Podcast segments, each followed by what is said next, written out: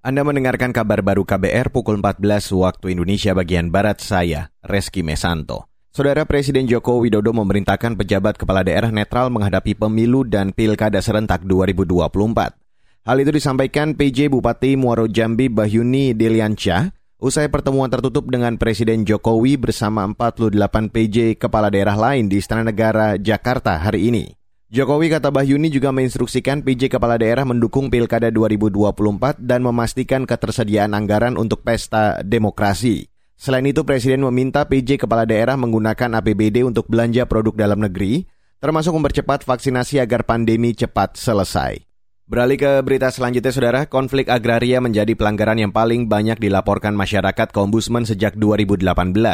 Hal itu disampaikan anggota Ombudsman Dadan S. Suharma Wijaya hari ini saat menyampaikan hasil kajian sistemik Ombudsman RI terkait implementasi reforma agraria dalam menyelesaikan konflik agraria dan redistribusi tanah konflik agraria ya dan uh, tanah objek reforma agraria ini yang menjadi permasalahan ya di antaranya uh, isu ya ini berkaitan dengan penyelesaian layanan pertanahan melalui Tora ini erat kaitannya dengan permasalahan konflik masyarakat yang memang lama ya menjadi persoalan-persoalan lama di sini ya. Nah, jadi ada penguasaan lahan yang menyangkut khususnya kawasan perkebunan, kehutanan itu sering menjadi uh, konflik juga.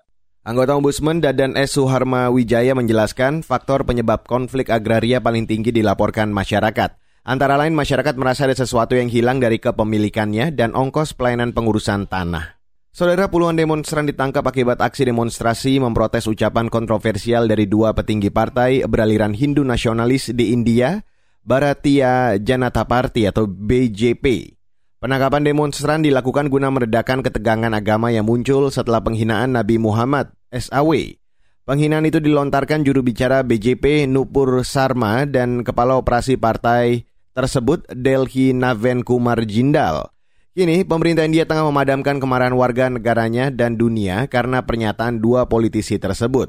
Beberapa pejabat tinggi India bekerja keras mengelola dampak diplomatik karena beberapa negara di Arab Tengah dan Barat menuntut permintaan maaf. Bahkan Kementerian Luar Negeri Indonesia akan memanggil Duta Besar India di Jakarta terkait pernyataan dua politisi India.